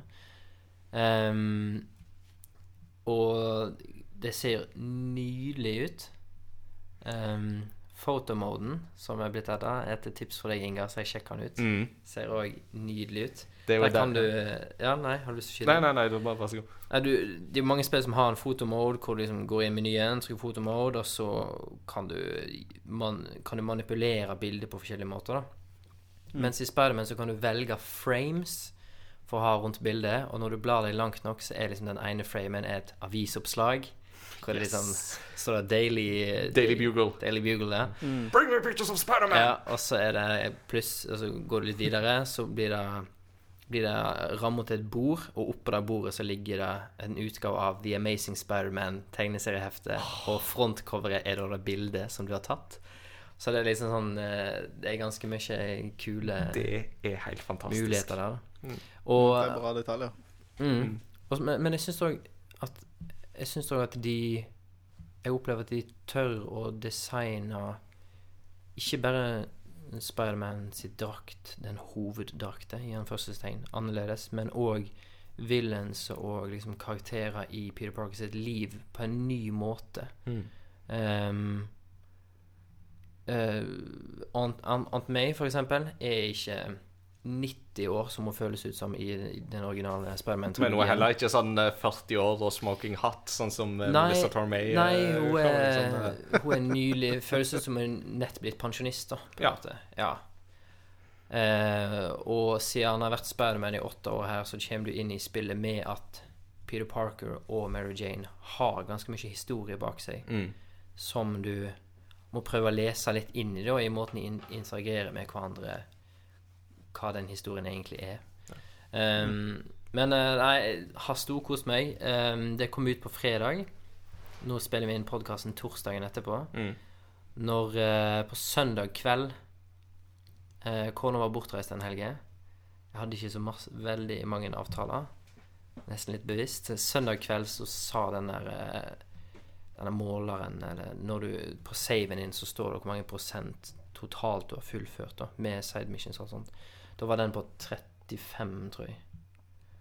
Og det her er et open world-spill, så det, det er Ganske bra. Ja. Uh, har du, er det ikke også sånn at det er masse sånne ryggsekker rundt omkring som du kan samle i dette spillet? Og Jo. finne sånne ryggsekker som basically da Peter Parker har lagt igjen i en bakgate på, Mm. uh, på et tidspunkt? Sånn som man jo gjerne gjør det i filmene og sånt. Ja, for da at han plutselig må liksom kaste av seg eh, klær og utstyr som man har som Peter Parker for Mm. å bli Spiderman, og da må han bare med spinnvevet feste i nærmeste bygning, som Mm. av og til er ganske tilfeldig. Men en ting som, som en automatisk vil tenke er negativt, er at det spillet her bruker den derre denne tower-mekanikken. At for å For å um, få visualisert byte av kartet, så må du opp i et tårn og trykke den type Mm. sånn som i Creed, en sånn synchronized knapp. Men det som jeg, jeg syns er veldig kjekt i Spiderman-spillet, er at du helt fra starten kan liksom ta alle sammen. Og det er ikke et sånt tårn som du må bruke lang tid på å klatre opp i. For da du er Spiderman, så er det bare å webzippe deg opp i toppen. Ja, ja. Og så blir det å, å få tak i alle de tårnene, det er ikke så mange, det blir det blir kjekt for da du gjør det som Spiderman, og det Mm. blir en manøvreringsøvelse. Så det, det, det var liksom Det var gøyalt, da. Det, det må en Spiderman til for å gjøre den Ubisoft-klisjé til en gøyal ting igjen, liksom. Mm. Og en annen veldig, veldig kul ting som jeg sjøl er veldig fan av, er at ofte når du har gjort ferdig et main mission, så, så kan da main missionet liksom slutte med at uh, overgangen der, da, er at du liksom kommer ut av bygningen igjen, og du ser han Hvis du har vært Peter Parker, da, tar han på seg Spiderman-antrekket, og så liksom setter han seg på en stolpe eller noe. Og så sier han til seg sjøl eh, at ah, 'Jeg lurer på hvordan det går med byen. It's time to be friendly neighborhood Spiderman'. Og så vil spillet at du skal ved den som Spiderman er, at du skal hjelpe sivile, og du skal gjøre små, gode gjerninger. og så trigger det et uh, nytt uh, main mission. Å, så gøy. Så det er liksom Det føles En kan godt komme med en sånn kritikk og si at ja, men det er kanskje litt kjedelig. Ja, men de er veldig tru til Det som karakter. er så in character, mm. tenker jeg òg. Altså, Det er jo det der med Det var jo en sånn ting som synes de klarte veldig bra i Spiderman Homecoming i filmen. Så er det jo en, altså, ganske tidlig der du ser hvordan Spiderman liksom står og viser ei gammel dame hvor hun skal gå, og så ja. liksom gjør sånne små ting, ikke sant, mens han jo egentlig venter på et større oppdrag. Men litt av det der er jo Spidermans natur, ikke sant. Det er jo sånn Spidey er. Han er jo ikke high and mighty og langt unna. Han er jo eh, ja, the friendly neighborhood Spiderman. Mm. Mm. Nice. Altså, jeg, jeg tror kanskje sånn i storymessig så er jeg kanskje litt over halvveis, og storkoser meg, altså. Mm. Mm. Fett. Og parallelt med det her så har jeg jeg spilt en del Destiny 2 med kompiser. Det på en måte har vært litt sånn multiplayer-spillet, da. Ja. Og det er vel i forbindelse med Forsaken-utvidelsen som har kommet. Mm. Og um, Upopulært å si det her, men jeg har spilt masse Destiny 1, masse Destiny 2, men jeg har aldri raida. Oi, oi, oi. Det er jo Så- en spesiell måte å spille på, tenker jeg. Ja, så veldig mange vil jo kanskje si at ja, men da har du ikke spilt Destiny. Men um, det er den klassiske fella at litt, du må bygge deg opp i uh, I hva utstyr du har, hvor sterk du er for Ja. å kunne ta et raid, men så har jeg gått lei før jeg har kommet til det nivået der. da Altså, En sånn du, dårlig loop, på en måte. du, du spiller Destiny 2 uten å raide, og jeg spiller Halo-spillene, men spiller Halo for storyens skyld, og ikke så mye multiplayer. Så Ja. jeg tror vi begge her Jeg tror vi begge spiller spill not the way it was intended. Nei.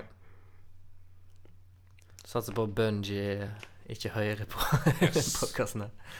Ja. Et, når du sa Dishonored Nei, ikke sant, da sier jeg det jo. Når du sa Destiny, så tenkte jeg Dishonored i hodet mitt. Så jeg Ja. bare Raiding Det er ikke noe raiding i Dishonored. Men det er, fordi at du, det er fordi at du tenkte på det beste spillet, Mats Jakob. eh, Det. Ja, ikke sant. Og det var en ting jeg kan skyte inn, da. Eh, jeg hater stealth i spill. Det, jeg kan ikke fordra det. Så, eh, for det er jeg så dårlig på det. Jeg er så utålmodig. Så, så Dishonored-serien har jo ikke frista for fem øre. Du har gått glipp av noe der, altså. Jeg er jo i andre enden. Jeg elsker stealth så lenge det er bra.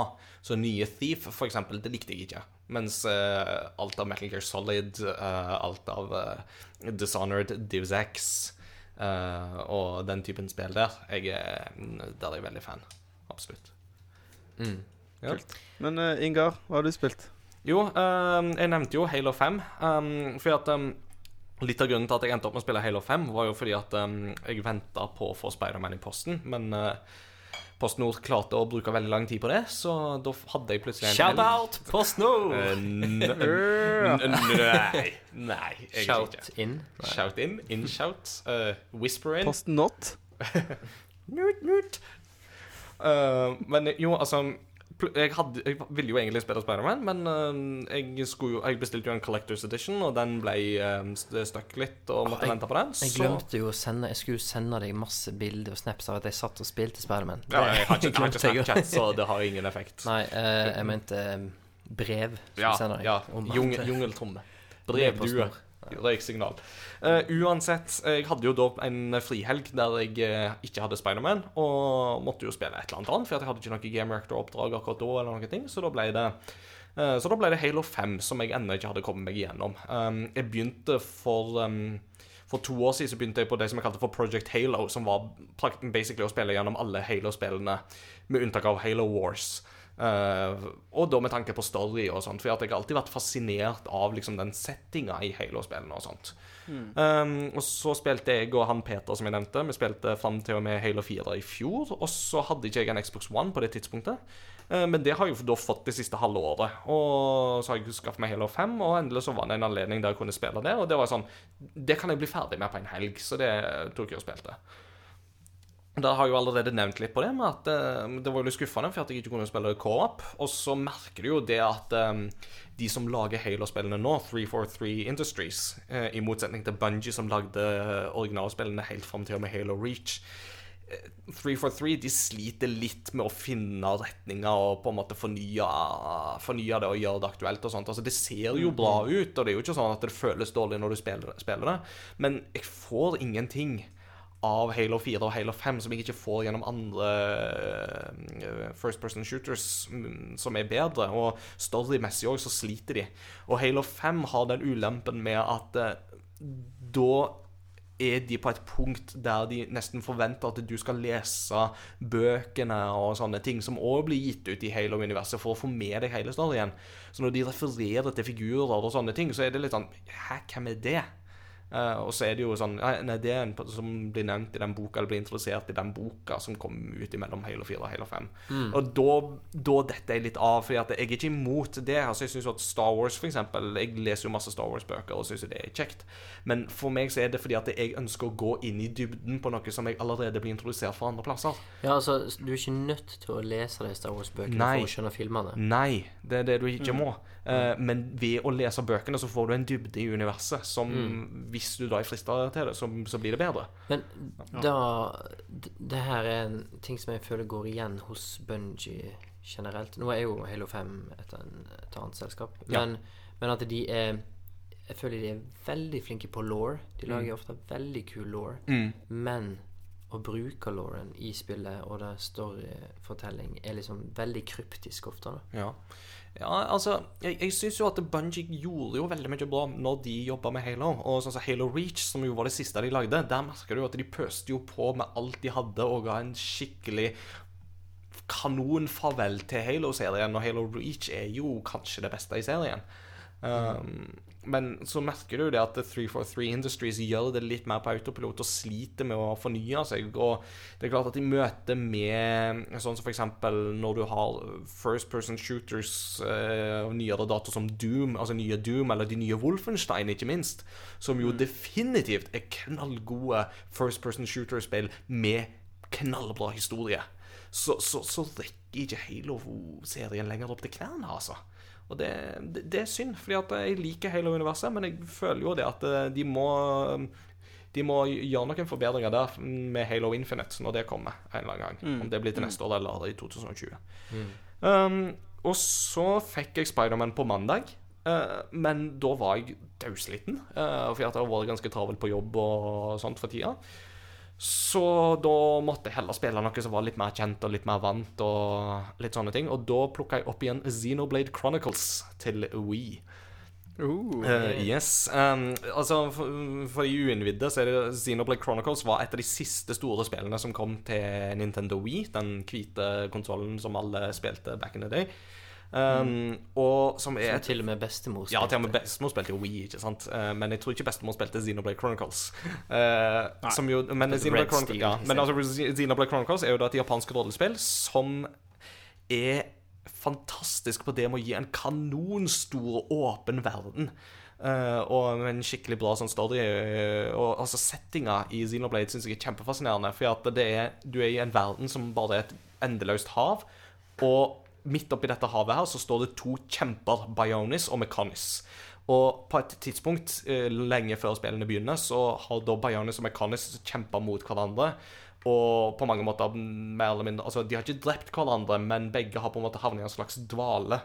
Og så har det da oppstått liv på begge disse kjempene. Så på Bionis er det da mm, biologisk liv. Mennesker, Noppons, uh, high entia, som er, liksom, eh, som er raser av sånn biologisk natur. Mens på Mechanis så er det da mer mekaniske skapninger. Mekon. Og de er jo da i krig mot hverandre, disse biologiske rasene og de mekaniske rasene mot hverandre. Og så er det jo sånn da, I disse spillene så går du på disse kjempene og liksom utforsker, for at folk bor jo på disse kjempene her. Og det er jo sånn, Når du går på Bionis, eksempel, på store, åpne sletter, på det som da egentlig er på en måte hofta til Bionis, og så ser du liksom langt borti horisonten så ser du en gigantisk kjempe som står i liksom langt i det fjerne. Og det er jo da Mechanics, den andre kjempen. Det er så episk. Det er så helt amazing, den eh, feelingen der. Og så har jo òg Spillet har jo en fantastisk bra musikk. Eh, soundtracket i Xenoblade Chronicles er helt usannsynlig bra til tider. Så det er òg varmt anbefalt, altså. og det er jo sånn På mange måter så vil jeg jo si at um, Xenoblade Chronicles føles som et offline MMO-RPG. Mm. Sånn, for, liksom, mm. sånn som MMO altså, Sånn som online rollespill var back in the day. Så det føles som en sånn offline World of Warcraft for én spiller. Uh, på mange måter. Ja. Og, så, og dette er Men greia med Xenoblade Chronicles er at jeg har aldri blitt ferdig med det. Så jeg begynte på det for en sånn to-tre år siden, omtrentlig samtidig, parallelt med Project Halo. Og så har jeg liksom gått sånn av og på, av og på, av og på, for at jeg har an hatt andre ting å spille. Og dette er et sånt spill som tar sånn 100 timer, omtrentlig. Um, så jeg tenkte liksom nå at eh, det er ikke så lenge siden jeg spilte det, er det det? Så fyrte jeg opp Wien, og så så jeg forrige lagringsfil 30. november 2017. Og nå er det sånn OK, vi er i september 2018, greit. Det er en stund siden. Uh, men det begynner å nærme meg en slutt nå, så jeg håper å bli ferdig med det etter hvert. Uh, og så får vi se. Og, mm, men um, nå har jeg um, fått en ny anmelderkode for eh, Game Reactor. Oi, oi, oi. Men jeg kan, jeg kan ikke si hva det er ennå. Det, men forhåpentligvis så kan jeg snakke om det neste uke. Eh, Før den tid så får dere følge med på gamereactor.no og lese om jeg skriver noe der. Og så får vi se hva vi snakker om neste uke. Eller neste gang, om to uker. Mm. Og det er vel det jeg har spilt, med unntak av litt sånn Overwatch og sånt innimellom, som jeg jo spiller masse med venner og sånt, iallfall i ny og ne. Mm. Ja, det er liksom ditt go to uh, multiplayer-spill. Ja, altså Overwatch er jeg veldig glad i. Jeg synes det er kjempemoro. Nå er det jo kommet et nytt kart i Overwatch, eh, Busan i Sør-Korea, som jo er heime, heimbyen til Diva, som jo er min secondary main. Jeg mener Farah, for de som er interessert i det. Um, så, men jeg har ikke fått prøvd det Busan-kartet ennå, da. Men det er jo en fun detail i Busan, og det er at et av spawnpunktene på det kartet, da, er det, da spawner du i et karaokerom. Og hvis du da er rollefiguren Reinhardt, som jo er en gigantisk stor tysker altså, i en sånn kamprustning, og han er sånn Ha-ha! Reinhardt! Og hvis du da spåner som Reinhardt i det karaokerommet, så begynner han å synge.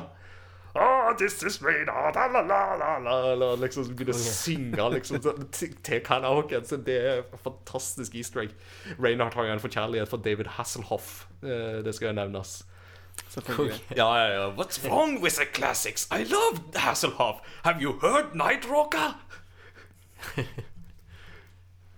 I've been looking for freedom. Yes. Uh, men uh, med de tonene der så tror jeg vi skal ta en liten pause. Ja, Um, nå eh, har vi klokka en eh, godt over en time her. Imponerende til dere som har lytta til oss så langt. Med, Hvis du ikke har skrudd av ennå Ja, hvis du ikke har skrudd av Thank ennå. you! Thank you very much. We appreciate your Altså- uh, efforts. Og uh, nå blir jo åpningssessionen blir jo litt lenger denne gangen enn det men Mm. vanligvis kommer til å være, tror jeg. Så. En liten shout-out til du som hører denne episoden her nå. Mm. Spesielt hvis du hører den eh, ganske tidlig. Mm. Eh, altså, du var der da det hele startet. I'm just saying. Indeed. You were there at the beginning. Yes. The epicenter. Kan, Yes. kan jeg ta et kjapt spørsmål før vi går til pause? Ja. Mm. Uh, som uh, eh, eh, For i de andre podkastene vi har prøvd å spille inn, så har jeg stilt spørsmålet hva er ditt yndlingsspill? Mm. Eh, og nå har vi jo svart på det spørsmålet to ganger, så nå vet jeg hva deres yndlingsspill er. ja. Mm. Så jeg lurer da på Da skal vi gjøre dette her kort, men Mm. hva er Litt jamf, Det var jo morsomt at du begynte å snakke om det i stad, Ingar, men hva er ditt yndlingssportsspill? Christian. Yndlingssportsspill. Ja, OK, Christian. Uh, du kan jo få gå på den først, hvis du vil. Uh. Yndlingssportsspill hmm, Gjelder bilspill? ja, bilspill gjelder som sportsspill. Jeg hadde Eh, mange Du, du, du må svare. Men Mario Kart er ikke et sportsspill. Nei, det tror jeg vi kan være enige om. Nei, jeg, jeg hadde På PlayStation 1 så hadde jeg mange timer i Gran Turismo 1 og Gran Turismo 2. Mm. Veldig Ja, mange timer. det teller. Um, Og det, det vil jeg si er et ordentlig sportsspill når du må ta lappen før du kan få begynne å spille spillet. ja. Ingar? Eh, ja. Um, det, det er jo et kjempevanskelig spørsmål, og jeg har jo ikke fått tid til å tenke på det, eller noen ting, så nå blir jeg jo skikkelig sånn uh, Ja, jeg vet ikke helt hva jeg skal si, men uh, det blir vel baseballentusiasten i meg som uh, går til um, det, det er da um, Nå ble jeg jo, faktisk i tvil om hva det heter, men det er sånn eh, Pro Baseball Pro Japanese Baseball 4 til PlayStation 3. Eh, det var et spill som jeg plukka opp litt sånn tilfeldig i Japan en gang, men som definitivt nailer en del av den der baseballfølelsen, og som har liksom en god sånn feel der. Så Men jeg, jeg kan jo òg nevne at jeg er jo glad i golf. Uh, så jeg kunne jo faktisk slengt inn et golfspill og sånt der, men jeg har jo ikke spilt noe golfspill systematisk siden sånn Wii Sports og sånt, eller eh, YLA Country Club på Nintendo 64. Så Dødsbra. ja, men altså YLA var jo kjempebra. Det var jo Kommentatorene der var jo helt fantastiske. Jeg har, jeg har en magefølelse av at det, det er golfspill som er, som er ditt uh, go to, kanskje? Matsako? Meg? Ja? Ja, det er, det er nok det. Jeg har en forkjærlighet for golfspill. Jeg tror jeg har eh, sikkert 35 golfspill eh, på diverse plattformer. Men eh, jeg tror mitt yndlingssportsspill må være Wii Sports. Det er kanskje litt feigt svar. Nei, men altså Be, det bestemor For er i deg jo- som, som Ja, det er bestemora mi som Nei, men, men det er mest bare fordi at jeg eh, Når jeg kjøpte Wii, så, så kjøpte jeg Wii og var, er jo super Zelda-fan. Mm. Og kjøpte Wii Sports og Zelda. Og de første Jeg tror jeg spilte mer Wii Sports enn jeg spilte Zelda den første uka. For dette, det var jo så gøy. Ja, det var kjempegøy. Absolutt. Uh, spilte, Men, du, eh, spilte du Wii Sports Resorts noen gang? Jeg har aldri spilt det. Og grunnen til at jeg ikke spilte det, var fordi at jeg kjøpte meg ikke eh, Wii Motion Plus Mm. før uh, Skyward Sword Mm. Ja. eh, kom ut. Når den uh, kjøpte Collectors Edition, og det fulgte med en sånn gullkontroll med Ja. Wii Motion Plus. Riktig, riktig. Eh, nei, så det Jeg tror det må være det. Ellers så Det eller Nintendo World Cup på eh, 8-bit Nintendo. Yes. Eh, du får eh, ta det med som et tips da om å skaffe deg Wii Sports Resort så spille det med kidsa. Ja. Det kan, det Det kan jeg anbefale, altså. Kult. Mm. Vi tar en liten pause, mine damer og herrer, og så er vi tilbake. Og da skal vi snakke om eh, dagens tema. Og hva det blir, det får dere bare vente litt og se. Vi er Snart tilbake.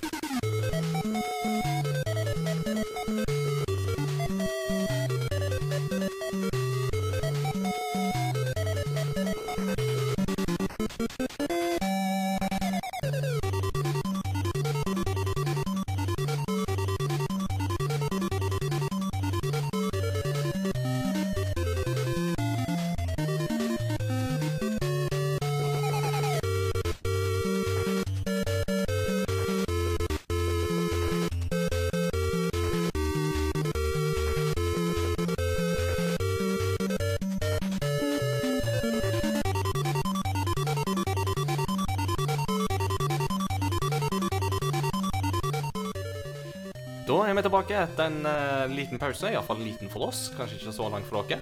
Uh, og da tenkte vi vi skulle gå videre til dagens tema. Eh, nå har vi jo holdt på litt uh, innledningsvis, eh, gutter, så um, det vi tenkte på da, var det at um, vi kan ta oss og slå sammen to av spaltene våre, nemlig dagens tema og dagens obskuritet, som er en sånn det er en del av den liturgien vi har satt opp på denne, denne podkasten her. uh, men i dag så Dette er ikke Dette er jo en litt sånn høymesse, og så kommer vi komme tilbake til sånn, holder på å si, tredje søndag etter pinse seinere og ha en mer sånn vanlig liturgi da. Uh, så vi kan uh, kjøre um, Jeg tenkte at vi kunne kjøre dagens tema og dagens obskuritet til liksom en og samme. Um, så, Men uh, Mats Jakob, da er det du som har fått æren av å lede oss litt videre uh, på reisen. Så hva har du lyst til å fortelle om i dag? Jo, i dag skal jeg fortelle om en av mine yndlingsserier som eh, eh, i Europa og i Nord-Amerika het Euphoria The Saga. Het det Oi. første spillet. Eh, på 8-bit Nintendo. Eh, I Japan så het serien Hebereke. Ja, Hebereke kjenner jeg til. Den, den har jeg faktisk Jeg har faktisk hørt om den. Og det er da Ah. rett og slett eh, Det var flaggskipet til Sunsoft en periode. Eh, Og brukt de karakterene i det spillet har gått igjen i mange Sunsoft-spill seinere. Mm. Så selv om det siste spillet, offisielle spillet i serien kom ut i 95, så var det sist gang de karakterene ble brukt, så var det som DLC-karakterer i et Switch-spill som kom ut i fjor. Som Ja, ok. het, Så, så, så de eh, lever Penguin ja. Wars. Penguin Wars. Så de lever fortsatt i beste velgående, da? Karakterene gjør det, men spillserien fins ikke. Eh, og du, Christian, som i stad nevnte at du er veldig glad i Metroidvania-spill. Dette første spillet som heter Euphoria, det er et Metroidvania-spill. Uh, okay. Som er veldig, veldig kult. Hvor uh, du begynner som en karakter, og så har du fått vite at, uh, at vennene dine er liksom tatt til fange. Så skal du finne de igjen i verden. Og litt sånn som det er i Metroidvania-spill, så må du jo få ny ability, eller her blir du da en ny karakter. Eh, For å komme videre i spillet, da. Så hele verden er åpen, men du kommer deg ikke videre før du har en ability eller en ny karakter som kan komme seg videre. Mm. Eh, så det er eh, veldig, veldig kult. Og de karakterene, det er en eh, liten eh, hvit eh, ball med blå hatt.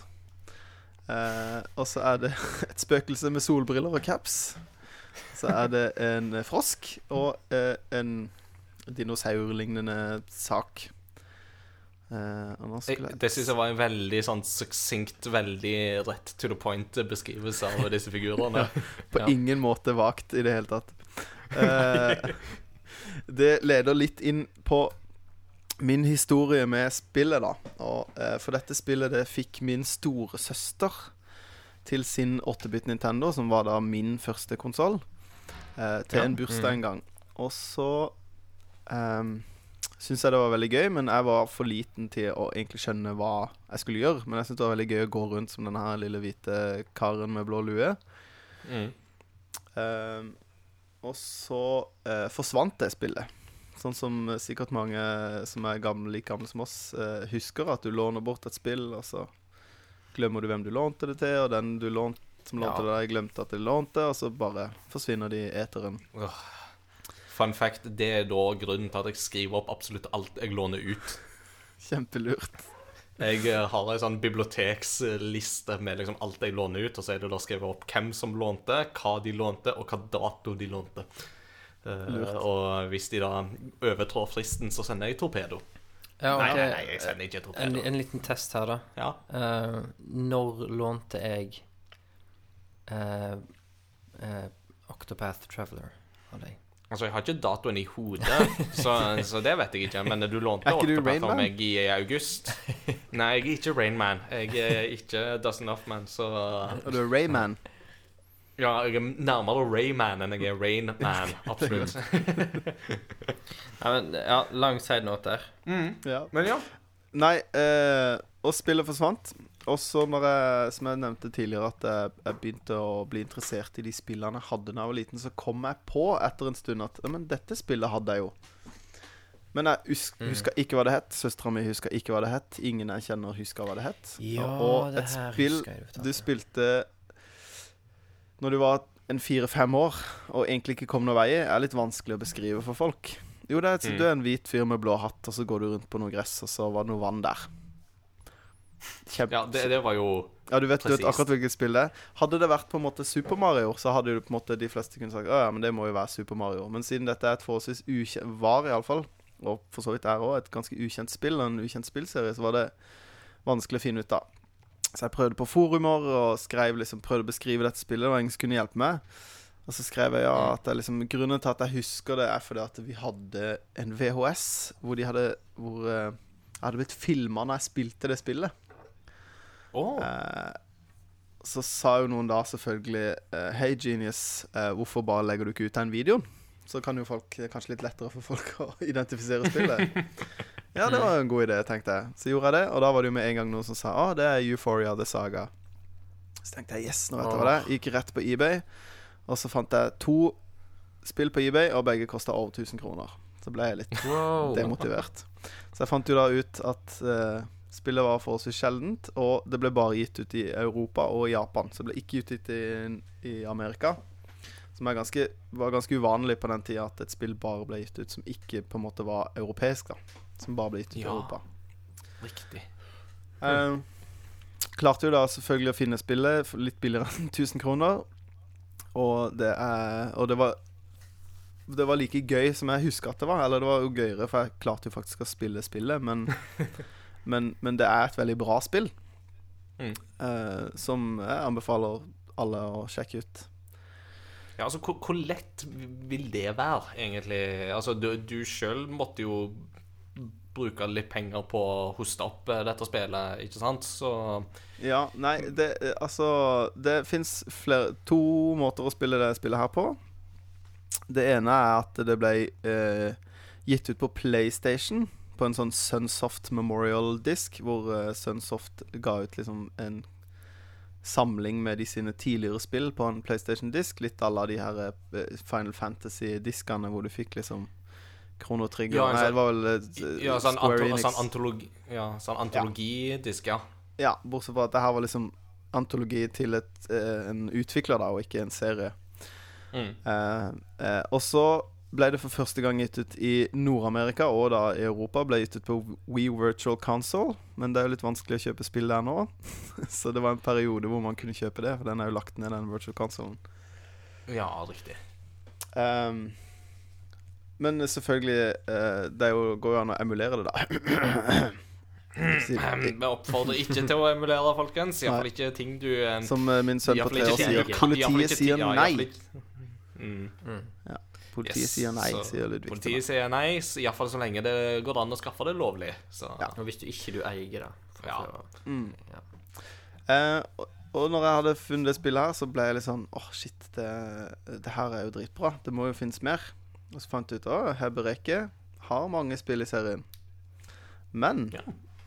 det er det første spillet er det eneste som er et plattformspill.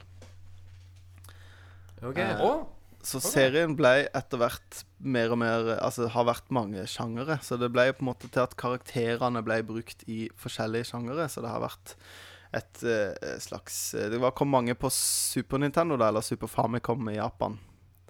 Uh, som var blant annet et racingspill hvor de drev og løp, og det var et uh, fireplayer slåssespill som eh, Som eh, Grunnen til at jeg fant ut av det, var fordi no, av det spillet var fordi det var noen som mente at det her var liksom forgjengeren til Super Smash, da. For det kom i 94. ja, for det, ja, for det var min umiddelbare assosiasjon. Var det så Fighting 4 spesifikt. Så bare tenkte jeg hæ, Super Smash? Mm, og det er liksom arena fighter òg, så det er litt sånn Det er en sånn Ja. blanding av, av, av liksom Power Stone og Super Smash, på en måte.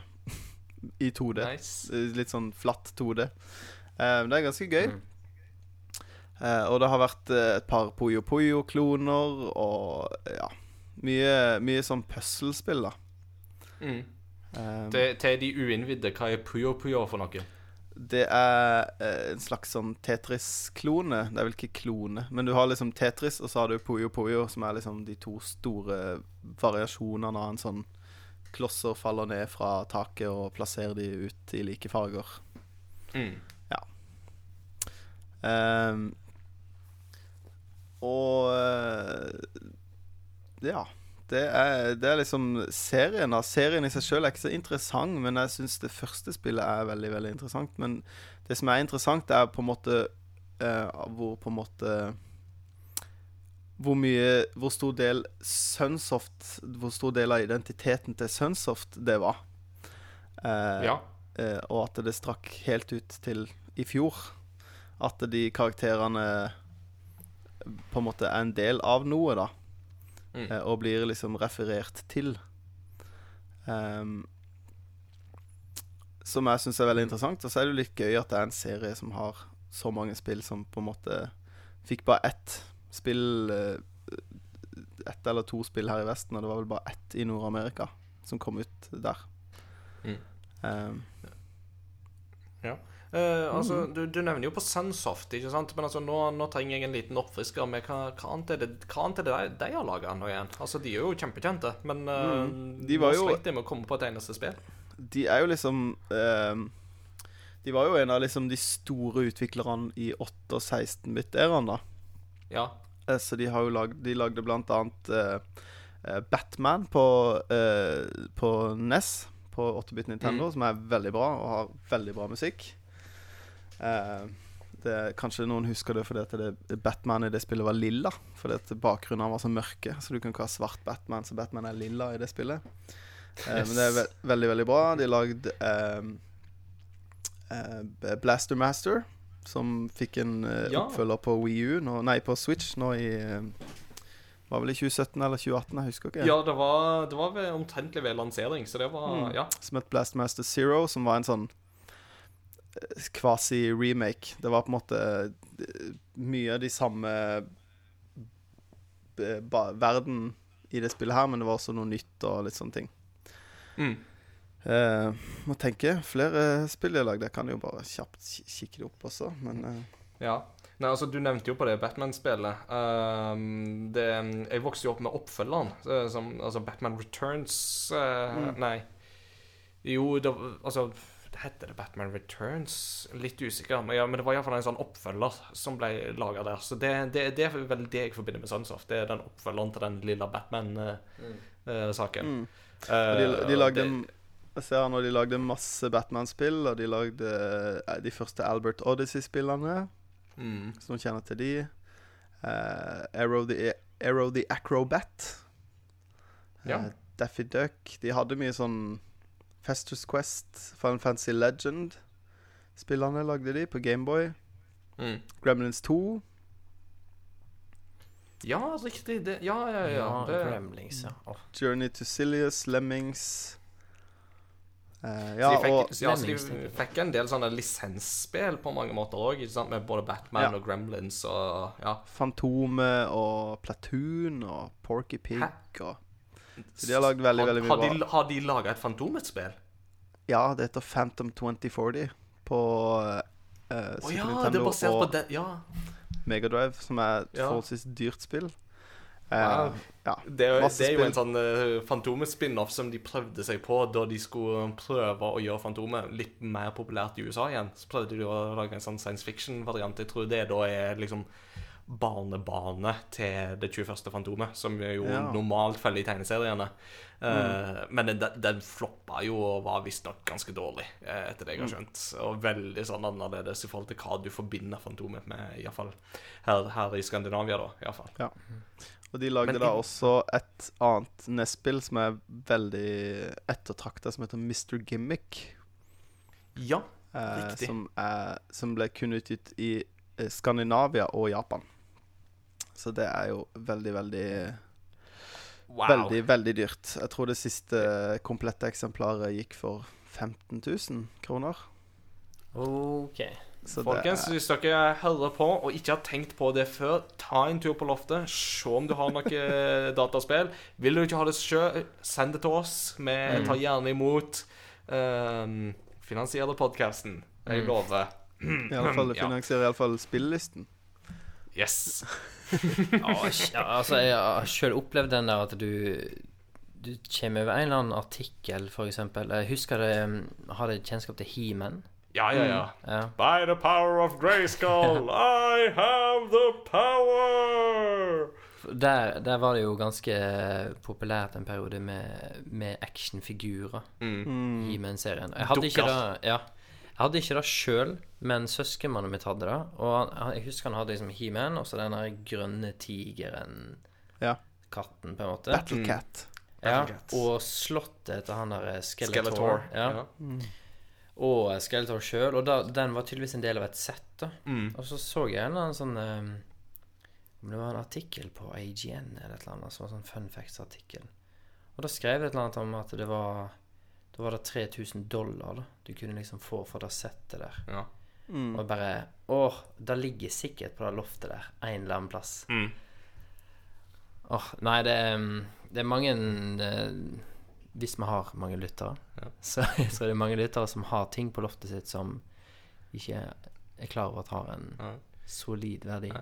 Jeg kan jo nevne òg en sånn ting som jeg snubla over en gang. Som, eh, men eh, det er et par år tilbake så ble jeg veldig klar over dette her med at eh, amerikanske Disney-filmer på VHS var visst blitt et sånn samleobjekt. Særlig de som kom i sånne hvite eh, covere. Altså litt mer sånn Istedenfor de der plastcoverne som vi husker på videokassettene, som de ofte kom med. Ja, som var mer sånn hvit, litt mer sånn solid papp som Disney-filmer kom ut på på VHS i USA. Mm. Um, og og, og, og det jeg vokste opp med, for det er faktisk noe som vi hadde par eh, Altså, som fikk, altså når vi hadde Mm. Da vi hadde VHS-filmer back in the day, så, så var det liksom et par sånne Disney-filmer som vi hadde. Og sure enough, altså, det, vi har Lion King, og den er nok Altså, den er verd mer enn det den kosta back in the day. Mm. Det er den. Eh, men det er klart at siden jeg ikke har en videospiller, så er det umulig for meg å teste om den funker som den skal. Altså Det er jo ingenting som tilsier at den ikke skal det. Eh, så, men, hadde, men hadde vi hatt Beauty and the Beast for eksempel, da, på den type videokassetter, det tror jeg dessverre ikke at vi har. Men hvis vi hadde hatt Beauty and the Beast, så gikk jo den Den går jo for sånn jeg, jeg lurer faktisk på om den går for så masse som sånn 20 000 dollar på eBay. Det er Wow. helt, helt absurd. Så hvis du, men hører, i- hvis du hører på og har et sånt Disney eh, VHS eh, altså Amerikanske Disney VHS-kassett, altså ikke nøl, gå på loftet, se om du finner den, gå på eBay, se hva den eh, går for. Det, you might be surprised. Men, Men men, det var en greie med det- ganske Nei, så, altså, Da må den være i ganske god stand, da. For at VHS-teknologien er jo sånn at jo flere ganger den teipen går, og spesielt blir spolt tilbake, så Mm. blir jo teipen slitt ut. Ja, det er riktig. Men eh, sånn som i vårt tilfelle, for eksempel, vi så jo filmene en del ganger, men jeg tror fortsatt at de skal være i brukbar stand, altså. Ja. Men, Hva skulle hva skulle du si? ja, Mats Jakob? Nei, det jeg skulle si var bare Jeg husker når den saken kom, og da hørte jeg på en podkast hvor de snakka om den saken. Og det var en del misforståelser rundt akkurat det der. For dette, det var en veldig spesiell versjon av de greiene. Og så tror jeg det er bare de Altså, det ble en sånn greie om at folk trodde at Disney VHS-er var verdt masse penger. Men det Mm. var en spesiell release av de som hadde et sånt Det der caset som du snakker om, da. Men eh, Ja. uh, men jeg forsto det som at de casene er liksom minner litt mer om sånn derre kassett Når du typ sånn derre Jeg husker det fra sånn Trygg Trafikk. Når Ja. du fikk liksom flere kassetter igjen, så var det sånn derre utrolig skjørt sånn plastikcover. ja. Uh, uh, og at det er litt derfor også de er på en måte eller Fordi coverne bare De detter jo fra hverandre bare du ser på de. Altså, jeg, opp, jeg husker de som litt solide, egentlig. Men, uh, men det er akkurat de, de som du mener, Jan. Det er de som du beskriver. Ja. Og det For Jeg tror bare du var en Ja. veldig hardhendt liten gutt, eh, Mats Jakob. Nei, men for det, i, USA, I USA så ble jo alle VHS-er gitt ut bare i sånn pappcover. sånn sleeve, nesten. Mm. Sånn som, som du har sånn slipcover på sånn nyere spill. Ja. Eh, så de, de skiller seg litt ut eh, av de amerikanske VHS-ene. Mm, absolutt. Absolutt. Men det Så, ja. Men jeg har VHS-spillere, Ingar, så det er bare å komme her og se på. ja, men du, jeg skal ta det med, med jeg Kjører den NTSC òg, eller? Eh, Det vet jeg ikke. Nei, men det kan vi finne ut av. Ja, det finner Eh, jeg. med den eh, Når vi skal til Sørlandet og kjøre en live podkast, Mhm. så tar vi òg en VHS-session. Yes. Da kan folk komme og taksere VHS-ene sine hos Mats Jakob og meg. Mm. Og laserdisk. Og laserdisk, ikke minst. For det er jo noe som du samler på òg. Absolutt. Ja. Gratis verdivurdering. Mhm. Men uh, hvor mange Tilbake til HB-reke, hva det heter? Mhm. Ja. Hvor mange spill i den serien er det du har nå? Vet du det? Oi. Jeg har eh, Jeg tror jeg, jeg har alle utenom ett som ble gitt ut på Super Famicom. Jeg skal se. Én, to, tre Som vil si Eh, Jeg har fire eller fem på Super Famicom. Eh, Mhm. Og da har jeg kjøpt de Og de som Alle spillene som kom ut eh, i eh, Europa Det kom et par på Super Nintendo og noe på Sega Saturn og sånn. Så, Mhm. jeg- men, men jeg har kjøpt de japanske versjonene av det, for jeg syns at coverne er mye tøffere. Ja. Uh, men eh, nei, jeg, jeg har eh, alle hovedinstallasjonene i serien, men jeg har ikke eh, Ja, jeg har ikke PlayStation og Sega Saturn-versjonen av et spill, f.eks. Og så har jeg ennå ikke turt å dyppe føttene i liksom Spillene der karakterene er liksom på coveret, eller er liksom en unlockable skin, eller altså eh, Sånne ting, da. Men det er Det er Det er ett spill til jeg har veldig lyst på, som heter eh, eh, Barcode World, som var et Famicom-spill. OK. Eh, hvor eh, Barcode World. ja, hvor du karten, eller kassetten du setter i, i Famicomen eller Nintendoen, er har sånn kortleser. Så må du bruke noe sånn kort i spillet, og du kan bruke bankkort, og det var noe sånn her eh, eh, Wow! eh, Sjekk det ut. sin tid. Det må være en peripheral som er skikkelig dyr nå. Det er ikke så ille, faktisk. Eh, fordi at det er liksom eh, Det er veldig sært. Mm. Eh, hva står det her nå inne? Så eh, Barcode World kom came, to, came together with a Nintendo licensed Famicom barcode battler interface. Battler Interface. uh, så hvis dere oh. søker på Barcode World, så får dere opp uh, han hovedkarakteren i Euphoria-serien. da. Men det er da Det er jo ikke et Euphoria-spill, eller en Hebereke-spill, da. Men det er liksom Sunsoft-spill, da. Mm. Riktig. Riktig. Mm. Jeg fant forresten ut, siden vi snakket om Sunsoft og Batman, at det var Return of the Joker, var det det het. Det Batman-spillet som jeg var, spilte. Mm. Og det var mer en sånn oppfølger til det Batman som du nevnte. Og det var, det var litt gøy, for at det fikk de laga litt mer sånn fritt. For at det første Batman-spillet, det var jo veldig basert på 1989-filmen til Tim Burton. Mm. Um, og så istedenfor da å måtte på en måte følge den i en mye større grad, så fikk de laga et spill som var mer preget av tegneseriene. Det hadde litt mer sånn tegneseriefil over seg enn det det første Batman-spillet var. Um, som jo lå veldig tett opp til filmen, uh, med tanke på handling og, og fiender og sånt. Så um, ja, så det, så det var veldig kult. Det var på mange måter en slags sånn veldig tidlig forløper til Arkham-spillene. For mm. Arkham-spillene fikk jo basere seg veldig mye mer på på en måte Batman-Lauren som en helhet, snarere enn å måtte på en måte lage på en måte spill basert på en film. F.eks. lage et sånt lisensspill. Mm. Så de var tidlig ute der, altså. Absolutt. Cool. Mm. Ja, så det, da- den serien, ja. sjekk den ut. Eh, Mm.